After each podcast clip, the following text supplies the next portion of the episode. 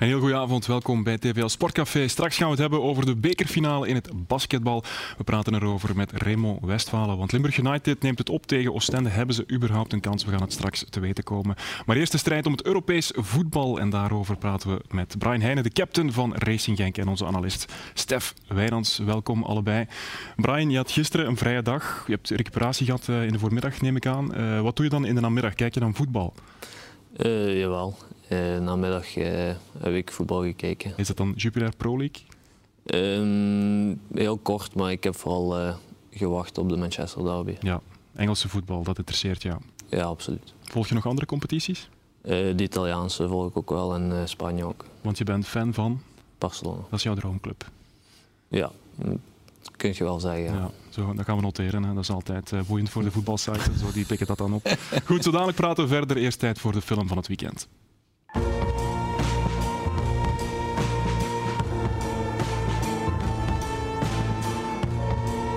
We moeten gewoon rustig nu naar Genk gaan. We kunnen met vertrouwen naar Genk gaan, zeker naar zo'n tweede helft. En, en proberen het daar heel moeilijk te maken voor hen.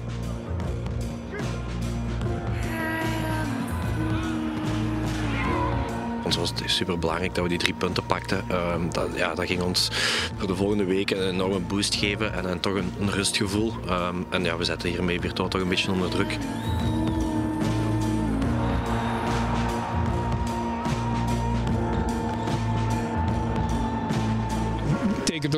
Moet nemen zoals het uh, is en dat doen we ook. En we hopen er hier volgende week weer één groot feest van te maken.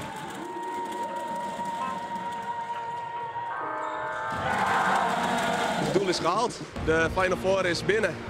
Dus uh, ja, nou gewoon focussen op de Final Four en dan zorgen dat we die gaan winnen.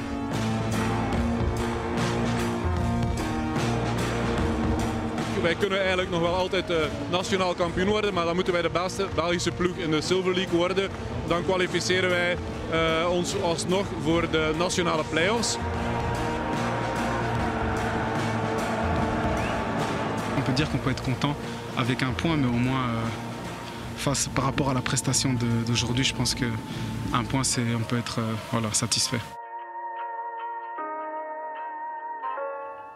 Ja, Brian, was jij tevreden met een punt na afloop? Mm, ik had een beetje een dubbel gevoel, omdat we, als we naar de eerste helft kijken, denk ik dat we blij moeten zijn met een punt. Maar uh, in het verloop van de tweede helft had ik al het gevoel dat het eind toe dat er meer in zat. Ja, slechtste eerste helft van het seizoen las ik. Was dat het geval? Um, ik denk dat uh, dat dat wel waar is, ja. ja. Heb je daar een verklaring voor, nu twee dagen nadien? Nee, want we hadden vooraf eh, ja, gesproken over hoe dat Cercle speelde. En dat als het voetbal niet ging lukken, dat er gevochten moest voor de tweede bal. En we kwamen gewoon op elk vlak tekort. Ja, net met die inzet. Het is een wedstrijd waarvan je weet, het is cruciaal met het oog op play-off 2 tegen Cercle Ja, ja, Niels, maar goed. Uh, er is de afgelopen weken heel veel over die uitmatchen gesproken geweest. En uh, als je dan drie keer daarvoor verloren hebt, dan, dan verwacht je misschien toch dat je daar wat agressiever bent. Maar het, het zit niet helemaal.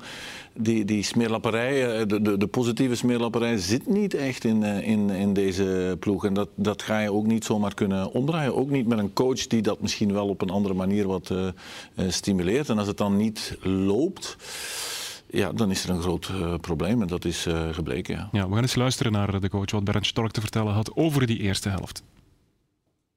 It was not quiet. It was not quiet. Yeah, when you have to underline a little bit also the, the things, what you don't like, yeah, and then you cannot do it in a, in a calm way. Yeah? But this is not the point. The point is also we need sometimes the emotion yeah? more on the pitch. Yeah? And we cannot be satisfied with the things how we play yeah? when the opponent lead. And this, this I miss a little bit in the team. And, uh, and this we have to change. Het was niet stil in de kleedkamer. Brian, ik moet me daar een scheldtirade bij voorstellen. Vertel eens, wat, wat, wat doet hij dan? Roepen, tieren, brullen? Nee, gelijk hij in het interview zegt, uh, heeft hij gewoon gezegd waar het op stond. En uh, de dingen waar hem niet aan stonden, heeft hij gemeld. Uh, en ik denk dat hij ook naar de rest heeft duidelijk gemaakt met drie wissels dat hij dat niet uitmaakt wie het is. dat je gewoon wisselt als het nodig is. En deze keer heeft dat goed uitgehaald. Ja. Was je zelf verrast dat hij meteen die drie wissels deed?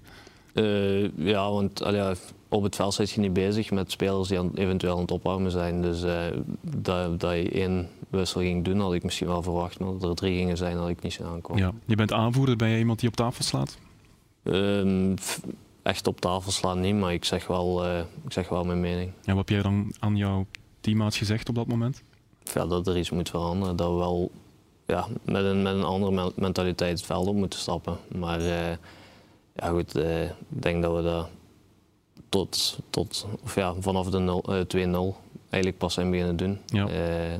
En, en dan zijn we er ook in blijven geloven. Ja, het woord emotie gebruikt hij ook in het Ja, dat bedoel ik met die positieve smeerlapperij. Dat is wat hij eigenlijk wil, wil, wil zeggen ook. Als je, als je niet lekker kan spelen, combineren, dan moet je het op een andere manier gaan, gaan doen.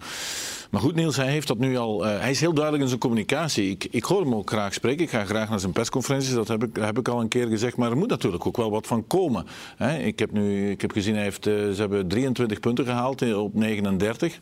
Dat is niet slecht, maar dat is ook niet om, om, om te zeggen van met dat resultaat hadden wij nu uh, veel verder uh, gestaan dan andere ploegen. Mm -hmm. Dat is ook niet het hij is, geval. Hij is binnengekomen met veel tromgeroffel, heeft ja, gezegd ik ga dit en dit ja, doen. Ja, is hij een stukje van zijn geloofwaardigheid kwijt? Wow, misschien dat hij, nee, ik, ik, weet niet of hij, hij, hij is nog wel zichzelf, vind ik. Maar ik vraag me alleen af of hij het echt kan draaien. Want deze spelersgroep is op een andere manier samengesteld hè, dan, dan misschien hij zou willen. En, en, men heeft het vaak over het DNA van Racing Genk en uh, ook het DNA van Anderlecht. Ja, ik moet daar, sorry, maar uh, ik, lach, ik lach ze niet uit, maar ik lach er wel mee. Want wat is het DNA van Racing Genk? Dat is winnen na 90 ja. minuten. Racing Genk is een topclub. Racing Genk moet proberen een prijs te halen, moet Europees voetbal halen. En dan moet je zoals A-agent gisteren om kwart voor elf, hoe dat uiteindelijk, of hoe Antwerpen dat gisteren gedaan heeft, hoe dat uiteindelijk gegaan is, drie punten in de bak.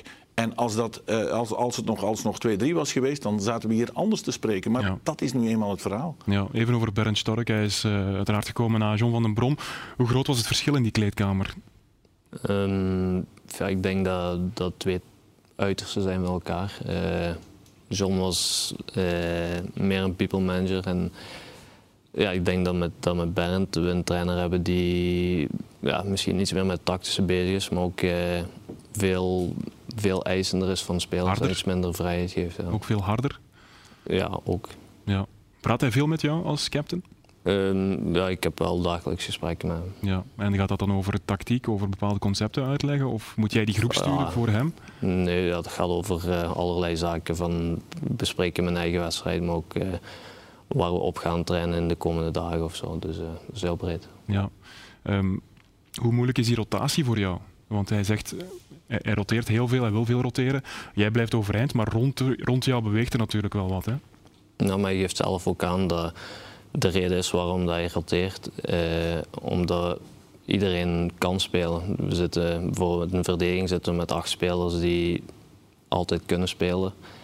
Uh, dus, en, hij, en hij gelooft ook in iedereen, dus daarom roteert hij. Ja. Geloof jij in die rotatie?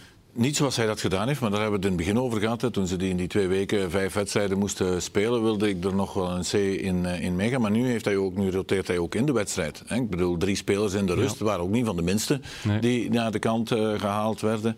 En uh, ik, ik snap dan nog wel dat mensen die heel veel, uh, spelers die heel veel afstanden moeten afleggen, maar hij heeft dat ook met die vier verdedigers gedaan. En dan is het verhaal geweest op, op Anderlecht zeker, waar, waar dan Munoz in de fout ging. En ja, je moet toch een soort van stabiliteit uh, krijgen. En ja, ik, ik, ik zie dat niet, uh, nee. Niels. En dan, je kan natuurlijk zeggen, Racing Genk heeft een hele goede kern. Hè. Ik bedoel, dat hebben we al honderd keer gezegd. Het talent is aanwezig om, om, om, om top 2 te spelen. We hadden gedacht dat ze zouden meedoen voor de titel. Oké, okay, om heel velerlei redenen die we al vaak hebben aangehaald, is dat, is dat uh, niet uh, gebeurd. Maar ja, het is er ook niet meer uitgekomen. Ook nee. niet met hoe Stork het wil doen. Nee, in deze wedstrijd nu specifiek, Torstvet en uh, Rossowski gingen eruit. Dat verandert voor jou meteen ook, of, of heeft meteen een impact voor jou op het veld. Want de mensen rond jou die zijn plots weg, er komen er twee anderen. Mm, ja, ik had in het verleden ook wel met Mike gespeeld. Dus uh, met Mike heb ik al wel voeling, maar met Aziz was nieuw. Uh, maar voor mij werd mijn rol ook anders, omdat Aziz meer een, uh, een controlerende zes is, waardoor dat ik iets hoger kon gaan spelen ja. en terug een beetje in, ja, in mijn oude rol kon kruipen. En waar en, ook een doelpunt uit voortkwam? Ja, dus ik score ook en ik ben blij dat het heeft kunnen helpen, maar ja, een geweldige goal trouwens. Een hele moeilijke uh, bal om op te trappen. En, uh, je ziet ook de frustratie bij jou, Brian, op het moment dat je, dat je scoort van uh, mannen. Dit hadden we nodig. Je trekt ze hier mee over de, over de streep. Heel snel eigenlijk toch allemaal na, na die 2-0. Ja. Dat, dat, dan is die voortzetting er, er ook niet. Ik dacht toen ook echt dat jullie erop en, er, en erover gingen. Moet Stork dit meer doen met, met een Aziz of iemand anders, maar hem in deze rol duwen met die kwaliteit aan de bal? Ja, maar hij kan overal... Het nadeel van Brian Heijnen is dat hij overal kan spelen. En hij zal, Brian Heijnen zal ook zelden gewisseld worden, omdat hij altijd... Die zal je niet kunnen verwijten onder de rust dat hij niet alles heeft uh, gedaan. Ja, zo heeft Racing Genk natuurlijk meer jongens nodig. Maar goed, dat is ook een keuze die, ze, die ze maken. Maar wil jij dit meer? Want ja, je hebt die infiltraties, je hebt een neus voor goals, laat je hier ook zien? Mm, ja, ik denk dat persoonlijk is dat een rol waar ik liever speel. Maar uh, ja, het is, het is gelijk dat hij zegt dat ik, ik kan op verschillende posities spelen en ik speel wat de trainer mij nodig heeft. Maar ik denk dat mijn kwaliteiten gewoon iets meer liggen in de rol die ik tweede helft heb gespeeld. Ja. Aziz deed jou denken aan een voormalige ploegmaat, vertel je? Um, ja, je doet me een beetje denken aan een die in het begin dat hij bij ons speelde. Hij was uh, enorm sterk in, in balveroveringen. Uh, zelfs als hij zelf een foute pas had, heeft hij de kracht en snelheid om dat zelf recht te zetten. En dat is iets wat uh, Didi ook had, dus ik zie wel wat gelijkenissen. Ja. Heb jij dit seizoen al een wedstrijd in de Conference League gezien? Nee. Nee, ik heb wel, wel samenvattingen, maar uh, een, een live wedstrijd niet. Nee. nee. Word je er warm van? Uh, iets minder dan van de andere twee competities, ja. Ja, want dat is natuurlijk wel het doel, hè? Uh, waar ja, jullie nu nog voor spelen. Absoluut. En, en, uiteindelijk is Europees voetbal Europees voetbal. En uh, dat is waarvoor dat je een heel jaar eigenlijk hard werkt en naartoe werkt. Dus ja, dat blijft zeker een doel. Ja, in je hoofd heb je wel een klik moeten maken, want zoals Stef zei, top 2 was de ambitie. Titel was zelfs de ambitie. En plots zit je daar voor play-off 2 te voetballen. Hoe moeilijk was dat? Um, ja, ik denk dat je, dat je dan niet echt niet echt mee bezig bent doorheen het jaar, omdat je vooral bezig bent met, met uit een moeilijk moment geraken. En uh, we hebben heel lang gezegd van we blijven ambiëren voor die play-off 1 te halen.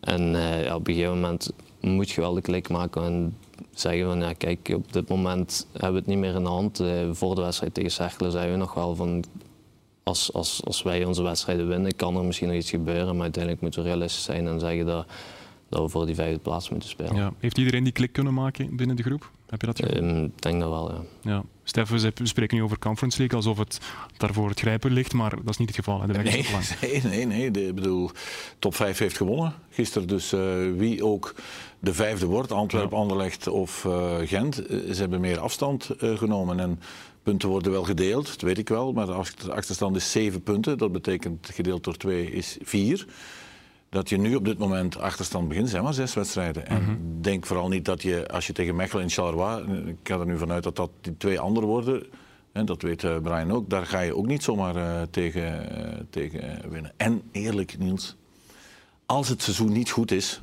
en je stopt wanneer? 25 mei, en je moet 9 juli want het is het slechtste ticket dat, uh, dat je in principe gaat. Ja. En je moet dan Europees gaan uh, spelen. Ik weet het wel, je moet heel veel voorrondes gaan spelen. En, uh, en je wil dat, want dat, dat, dat, moet je doen als club. Maar ik weet niet of dat dan weer zo ja. goed zal zijn. Want dan, dan, daarna komen Interlands, komen, er komt de 2K eraan, is weer iedereen weg. En Um, ja, ze moeten ervoor gaan, laat dat, laat dat, uh, laat dat ja. duidelijk uh, zijn. Maar een echte trofee zou ik dat niet noemen, nee, als nee. het zo is. Oké. Okay. Brian, heb jij soms het gevoel dat deze groep een nieuwe frisse wind heeft of dat deze groep over zijn hoogtepunt heen is? Mm, nee, ik denk niet dat we over ons hoogtepunt heen zijn. Want zijn, uh, we hebben uiteindelijk al veel spelers kunnen houden in de zomer. De spelers die bezig waren met eventueel een transfer te zijn kunnen blijven. En uh, ik had zelf ook verwacht dat we gewoon de lijn van vorig jaar op het einde konden doortrekken. Uh, maar goed, dat is niet gebeurd. En ja, ik denk dat de groep ook uh, nieuwe kwaliteit heeft bijgekregen. Waardoor dat we een, een, een, brede kern hebben, waardoor dat iedereen kan spelen. Dus ik had er ook meer van verwacht. Maar goed, het seizoen is gelopen gelijk dat het is. En uh, we proberen nu gewoon het beste eruit te halen. Ja, we waren daarnet bezig over uh, die buitenlandse competities. Kriebelt het soms als jij Ruslan Malinowski of Leander Trossard of Joachim Melen bezig ziet in het buitenland?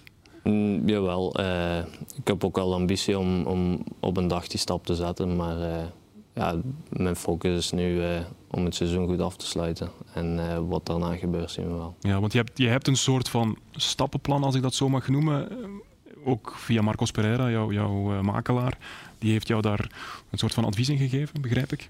Ja, we hebben, we hebben samen gewerkt naar, naar zo'n moment. Uh, en we hebben vroeger, toen dat ik 17, 18 jaar was, uh, zei hij ook van ik zie je pas klaar als je 24, 25 bent. Omdat je moet niet alleen op voetbaltechnisch vlak nog stappen zetten, maar ook fysiek en conditioneel. En je lichaam moet nog groeien. Dus op dit moment ben ik op, op, op die leeftijd en ik wil niet, wil niet weggaan bij Genk om weg te gaan om te zeggen van ik heb een buitenland gevoetbald. Want ik wil niet ergens tegen degradatie gaan voetballen, ben ik liever in Genk. Maar eh, ik wil wel ooit geproefd hebben van een uh, leuk sportief avontuur in het buitenland. En duurt een seizoen zoals het deze, een, minder seizoen, een zwak seizoen van de club in zijn totaliteit, jou meer naar die uitgang? Mm, nee, ik denk dat dat geen rol heeft. Ik denk uh, als wij nu een, een topjaar speelden, dat, ja, dat ik daar op dezelfde manier over dacht. Dus uh, dat, maar, dat heeft geen invloed op. Oké, goed, zo dadelijk praten we verder. Eerst tijd voor geschiedenis.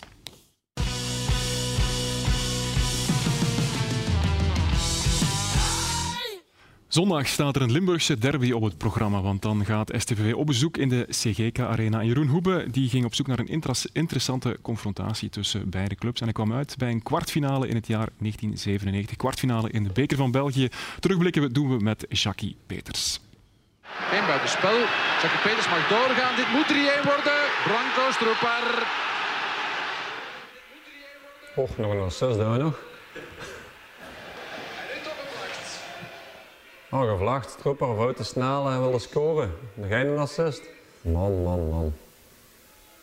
Jackie Peters frist even zijn geheugen op. We gaan terug naar woensdag 18 februari 97. Een volgepakt Tiel Gijslingstadion maakt zich op voor de kwartfinale van de beker van België tegen Sint-Truiden.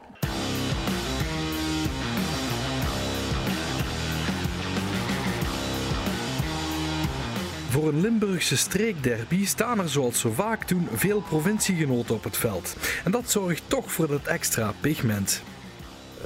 Dingen zoals Davy Ooyen zat met uh, Delbroek, uh, Domenico overal. Chris van Geen was een Vlaming, het was geen Limburger. Ikzelf als Limburger. Mark Hendricks zeker niet vergeten, die nog gescoord heeft die wedstrijd. Dus, en dan zat er in de kern zeker nog jongens, uh, Gerrit Doemen zat daar, Kurtje Drezen zat daar, Mark van Gronsveld. En dat wil toch zeggen dat je dan hey, grotendeels, ik denk voor 80% Vlamingen zaten en de buitenlanders die er op dat moment waren, dat waren wel de betere spelers op dat moment eigenlijk. Of die staken er alleszins uh, bovenuit. Toen nog enkel Kroaat, Stroepar, Oulare en Gudjonsson, buitenlanders met een meerwaarde dus. Dat de derbies van toen zo bijzonder waren, heeft trouwens niet alleen te maken met het groot aantal gauwgenoten op het terrein. Hey, vroeger was er meer, is er die haat geweest eigenlijk bij wijze van spreken. Uh, Genk heeft het stadion gekregen, Genk heeft dit gekregen, Genk heeft dat gekregen ik denk dat dat er ook mee te maken heeft gehad. En, en ja, dat heeft zich door de jaren en de, en de tijd wel uh, laten zien uh, op het veld. Want als je naar Sint-Truiden ging, was het geen leuke als je dan vanuit de bus naar de kleedkamer of terug moest. daar werd wel iets naar je hoofd geslingerd. Maar ja, die, die dingen die zie je nu niet meer. En die volstadions en die derbies, die zie je ook niet meer.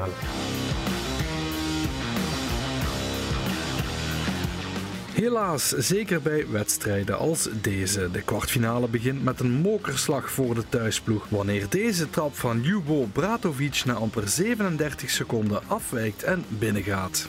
Een vergiftig geschenk voor de Canaries zal later blijken, want de thuisploeg ontketent een stormloop. De eerste minuut komen we direct 1-0 achter, hebben we, hebben we direct proberen recht te zetten, hebben we de, de wedstrijd direct in de handen genomen. Een penaltygoal van Stroepar luidt de ommekeer in. Het staat gelijk 1-1. Daarna gaat Genk erop en erover. Twee doelpunten worden nog onterecht afgekeurd voor buitenspel. Maar een kopbal van Hendricks en de doodsteek van Salif Keita zetten de 3-1 eindstand op het bord.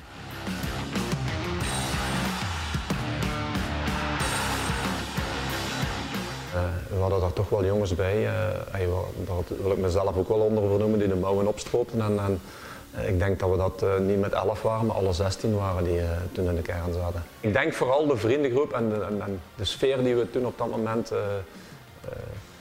die loste veel op denk ik.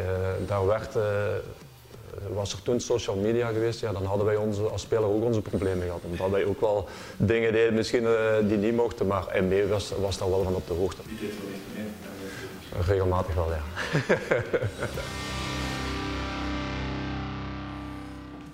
Ja, mooie beelden uit 98, niet 97, die uh, derby toen. Brian, is deze wedstrijd, niet deze, maar uh, de derby van komende zondag, al ter sprake gekomen? Uh, ik heb er al over gesproken, ja. ja met wie? Met, met ploegmaats dan toch? niet, niet direct, wel kort met de trainer en mijn omgeving uiteraard. Ja. Je bent een van de weinige Limburgers in de groep. Le leeft dat bij jou persoonlijk?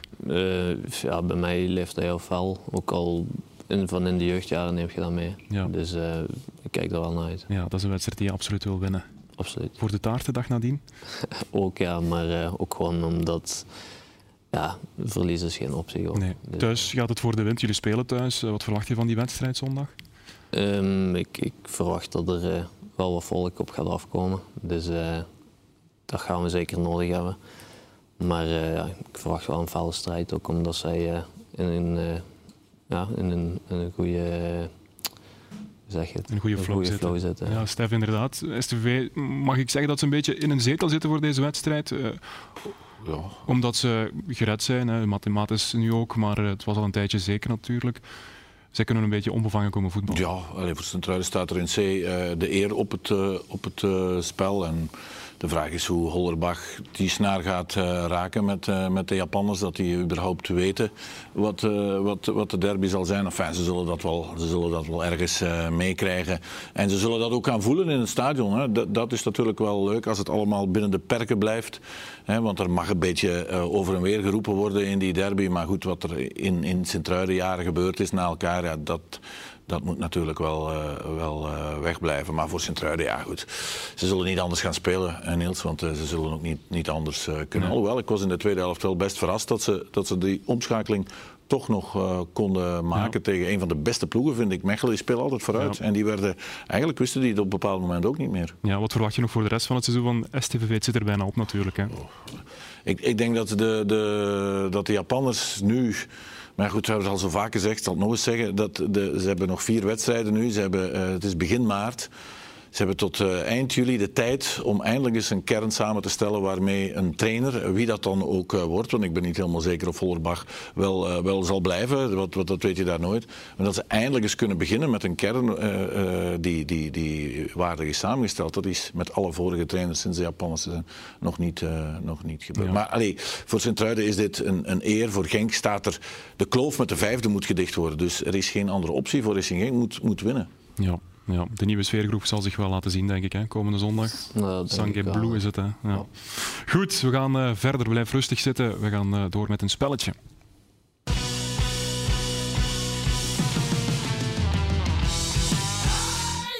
In de dribbelkoning junior is Ilias El Jabari van KDH Jeuk de te kloppen man. Het Gingelomse wonderkind uh, is niet te kloppen. Hij staat er helemaal bovenaan met een toptijd. Maar vandaag wordt hij uitgedaagd door een speler van OHL. Hij luistert naar de naam Christian Strollo.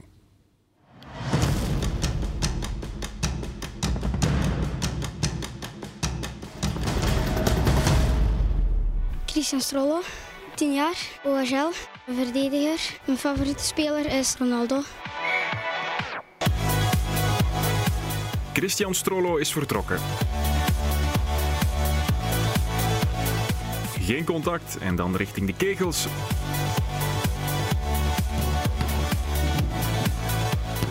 Zes exemplaren omver, min 12 seconden. Naar de ton. En kijk eens, dat gaat vanzelf. Na de slalom richting de darts. Triple 7. En 13 is 34 gedeeld door 5 is min 7 seconden. Drie keer schieten zonder de grond te raken.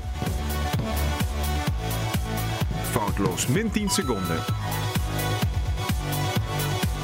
Zes keer jongleren en dat gaat goed. Laatste schietopdracht dan. Maar geen bonus.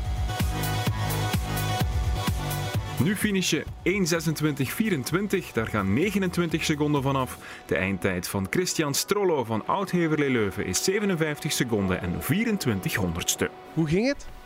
Uh, vrij goed, ja. Was het moeilijk?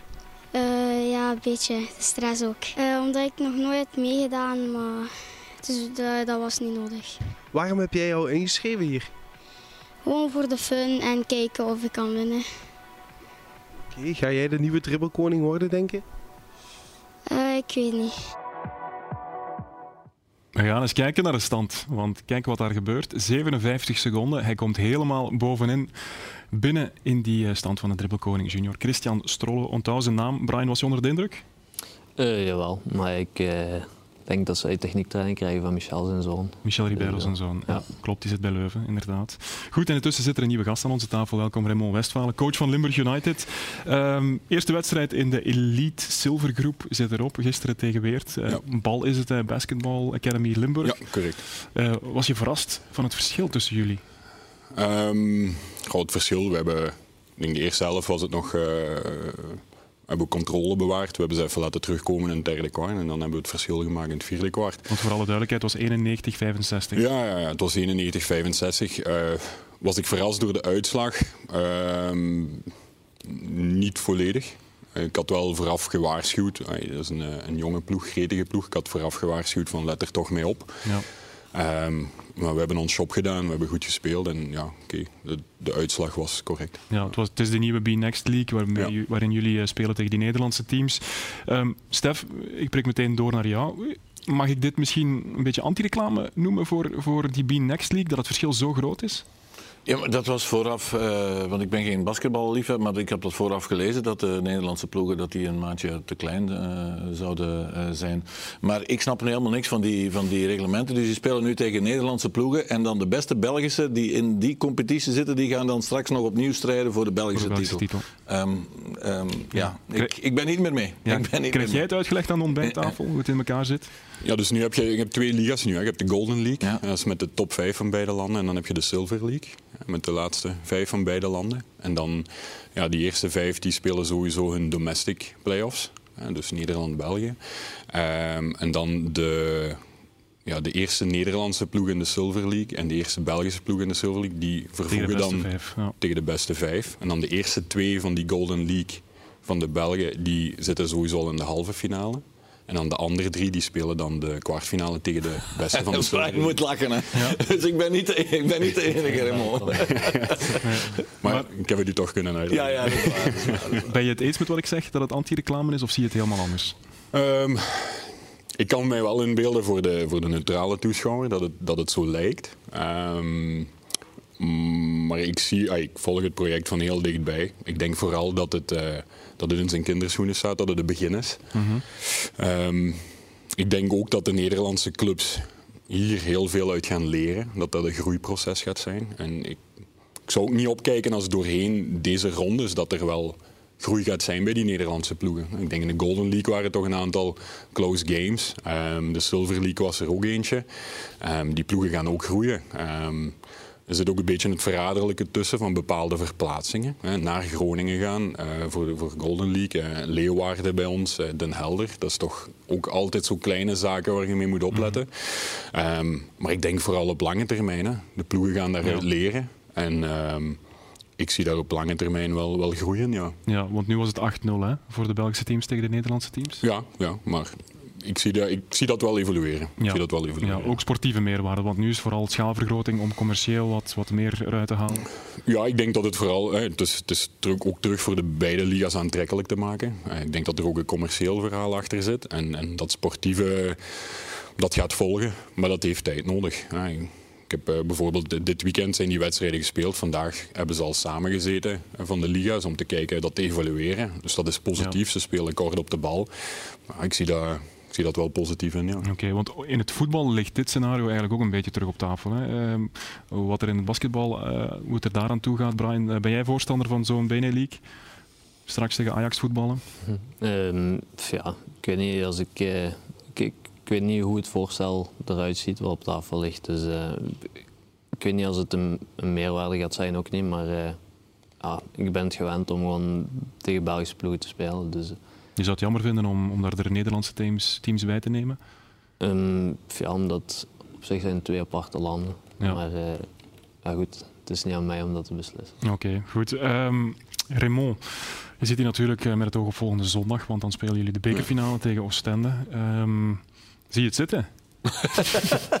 absoluut. Onges ongeslagen in België. ongeslagen in België, dus... Uh... Ja, absoluut zie ik het zitten. Um, is het, gaat het moeilijk zijn? Ja, daar ja. kunnen we het over eens zijn. De, makkelijk zal het niet worden. Uh, bij ons, ay, we hebben een plan uitgewerkt. En ja, wij, we gaan op die dag 40 minuten perfect moeten spelen. Ja. Dat weten we. We gaan er onze kop voor moeten gooien. Um, maar het is maar één match, het is maar 40 minuten. En, ja. Neutraal terrein? Neutraal terrein. Veel volk. Ja. Dus. Hoeveel volk gaat er mee van, uh, vanuit van, ons, van ons gaat er nu voorlopig al uh, 850 man mee. Ja. Dus uh, dat is al heel wat. Ja. Dus ja, alles kan op zo'n match. En jullie hebben, het was in oktober 81-88 uh, thuis gespeeld tegen Oostende. Ja, klopt. Het verschil was niet zo groot. Um, of geeft dat een vertekend beeld, die uitslag? Goh, nee, ik denk die uitslag. Ik denk dat we daar een heel goede wedstrijd gespeeld hebben. Vooral in de eerste helft, als ik me herinner. Um, in de tweede helft natuurlijk drukken zij wel door, hadden we het wat moeilijk. Maar ja, er zat ook in een fase, een overgangsfase, waar een aantal nieuwe zaken ook bij kwamen. Uh, um, maar op zich hebben we daar een goede partij gespeeld. Maar ja, Oostende is en blijft. Het is David tegen Goliath? Ja. ja. Maar daar heeft de kleinste ook gewonnen. Hè? Daar heeft de kleinste ook gewonnen, dus op zich. Maar je gelooft er wel in? Tuurlijk geloof ik erin. Jawel, jawel. Dat je kansen ziet. Tuurlijk. Ik, uh, ik, heb, ik heb deze groep zien groeien door het seizoen. Ik heb gezien hoe ze zichzelf terug in, in, in, in, ay, in de... In de hoe moet ik het zeggen, in de gesprekken hebben gebracht voor de Golden League. Ik Ja. heb gezien hoe ze stap na stap, eerst Leuven, dan Aalst. Ay, Ze hebben veel mensen die zeiden, oh ja, die match in Aalst, je moet dat is onmogelijk. Ze hebben het wel allemaal gedaan. Ja, die jongens zijn nu zo ver gekomen, die hebben zo'n verandering doorgemaakt. Ja, nu zou het zonde zijn om te zeggen, ja, Ja. we gaan naar Brussel op en ja, we hebben het gehad. Hè. Ja, als je spreekt over die evolutie, hoeveel uh, Raymond Westfalen zit er in die evolutie? Goh, ik denk dat, ik denk dat daar eh, samen met Niels, moet we toch niet vergeten, Niels Magnegraven, die daar ook een rol in speelt. Ik denk dat wij gewoon, ehm, ja, wat wij, wat wij mm, ik kom uit de jeugd, dus ik, we, hebben, we hebben gewoon erin gestoken wat we kennen, wat we van de jeugd hebben. We hebben onze spelers individueel aangepakt. En wat zit daarin? Ja, ik ben iemand met heel veel vechtlust. Mhm. ik, ik, ik, ik ben iemand die vertrouwen geeft aan spelers. Ehm, ik geloof ook dat, dat spelers altijd meer uit hun eigen kunnen halen dan dat ze soms zelf zien. En, en wij pushen daarop. En dat heeft, dat heeft in het begin wat tijd nodig gehad. Maar als ik vandaag zie hoe dat we vechten. Mhm. Ehm, maar nogmaals, het is, eh, ik heb dat nogal vermeld, het is vooral die jongens. Hè. Ook veel Limburgers, veel Belgen. Veel Limburgers, veel Belgen. En dan die jongens die hard werken. Hè. Je moet het maar doen. Hè. Na een coachwissel, hè. een coach die je niet heeft binnengehaald. Ehm, om dan toch te zeggen van ja, we gaan voor hem door, ook door een muur gaan. We gaan keihard werken. We hebben Ja. toch een paar zaken veranderd. Met, ay, zo oktober, dat is al niet simpel. Ehm, dus chapeau naar de gasten toe, eigenlijk, moet ik Ja. zeggen. Yannick Desiro, uh, hoe traint hij de laatste dagen? Want die heeft natuurlijk een rekening openstaan met Oostende. Het tank traint altijd goed. Hè. Tank, de, eh, van niet, ay, tank noemen we hem altijd. Hè. Eh, Ik begrijp waarom. Ja, inderdaad.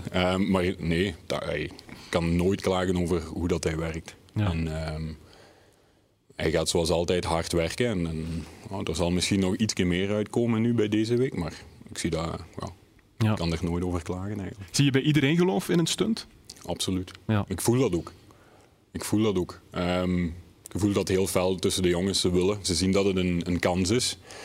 Ehm, het is iets uniek ook. Hè. Je, maakt dat, je maakt dat niet continu mee. Ehm, en ongeacht tegen wie. Dus ze- iedereen gelooft erin van oké, eh, we gaan een plan hebben. We hebben één wedstrijd. We moeten 40 minuten alles geven wat we hebben. Dan zien we wat er op het einde gebeurt. Ja, ik ken iemand die een motivational speech kan geven in aanloop naar die bekerfinale. Daar zit er eentje die erin heeft gewonnen, dus jij weet wat het is, Brian. Vertel eens. Ehm, ja, speciaal. Eh, maar ik denk dat bij ons toen eh, in de kleedkamer was het Patrick Wozowski Ja. wat de, de speech voor de wedstrijd had gedaan, omdat hij eh, de meest ervaren was. Maar eh, ja, ik denk dat, dat je in zo'n wedstrijd altijd met geloof moet ingaan. Eh, het is een neutrale wedstrijd en eh, het kan eh, twee kanten op gaan, maakt niet uit wie tegen wie speelt. Maar ja, het is het moment wat telt. En, los van, van de winst is een moment waarvan je geniet wel. Ja. Hoeveel supporters gaan er exact mee naar Brussel, naar Vorst? Van, van ons, 850. 850, oké. En nu de komende dagen, hoe ziet die opbouw eruit richting uh, die finale, richting zondag? Doen jullie iets speciaals? Gaan jullie op afzondering bijvoorbeeld? Nee, we gaan niet op afzondering. Ik, ik, ik ben iemand, ik hou van routine. Um, dus ik heb een weekschema gepakt, zo ja. een zondagwedstrijd. En ik heb daar een beetje hetzelfde in gebouwd. Wel iets meer aandacht aan bepaalde zaken natuurlijk. Iets meer, iets, iets meer, iets feller focus op het Oostende-stuk. Omdat ja, we, gaan toch, we, gaan, we gaan toch ergens iets specifiek uh, ja, moeten tot de perfectie beheersen. Um, dus er gaan wel wat meer focus en punten liggen naar de tegenstander toe. Want ik, ja. ik vertrek vaak vanuit, vanuit onszelf, kracht, ja. vanuit de eigen kracht. Maar voor deze match gaan we toch een paar zaken anders aanpakken. Maar de routine van het regime, hoe dat we trainen, wat dat we doen, waar dat we eten, hoe dat we, nee, daar, daar verander ik niks aan, omdat ik wil de, de spelers, ik, ik, wil geen onnodige stress of dergelijke veroorzaken door nu plots alles overhoop te gooien. Ja. Nee. Het zou de eerste prijs zijn natuurlijk, hè, voor Limburg United zou wat zijn, maar het wordt uh, immens moeilijk tegen Oostende. Ja, ja als ik uh, de, de, de records van Oostende uh, lees en volg, Niels, dan wordt het een maar een bekerfinale is, is, uh, is altijd bijzonder. Of het nu in het voetbal is, basketbal, handbal, uh, dat, dat, maakt niet, dat maakt niet uit. Want die, die supporters komen nu ook ergens waar ze normaal niet geweest ja. zijn. Die spelers treden binnen, zien plots zoveel uh, van hun eigen supporters in een uit. Want het is een uitwedstrijd, ja. zeg maar. Oostende is dat allemaal al wat gewoon ja. geweest. En, maar ja, het zijn natuurlijk het duurt heel lang. Je kan, twee, je kan een aantal quarters uh, uh, meegaan en je zegt zelf als aan Oostende even gaat doorduwen. Maar goed, die, die punten zijn ze nu aan het trainen. Dat zullen ze wel weten. Ja, ja. en Vorst Nationaal is ook iets speciaals natuurlijk. Dat is ook iets speciaals, hè. dus dat, dat brengt ook een sfeer met zich mee. Hè. Ik denk als, uh, als de jongens binnen dan ze zien iedereen zitten. Ja. Iedereen heeft datzelfde t-shirt aan, die sfeer die daar hangt. Dat, dat, dat, ja, dat, als u dat niet warm krijgt, als u dat niet de energie geeft om te spelen, dan... Ja dan weet ik het ook nog. Nee, zo is dat. Ik kan je in ieder geval heel veel succes wensen. Raymond Westfalen, jou ook Brian de komende weken, maanden. Uh, en jou bedanken, Stef Wijnands. Uh, eindigen doen we met veldlopen met Mieke Gorissen, want zij pakte gisteren haar tweede Belgische titel op rij. En bij de collega's van Sporza was de Diepenbeekse haar eigen onversneden zelf. Bedankt voor het kijken. Tot volgende week. Vorig jaar grote verrassing. Ja, dit jaar demonstratie. Voor mij nogthans ook nog altijd grote verrassing. Want man, man, stress. Ho, ho.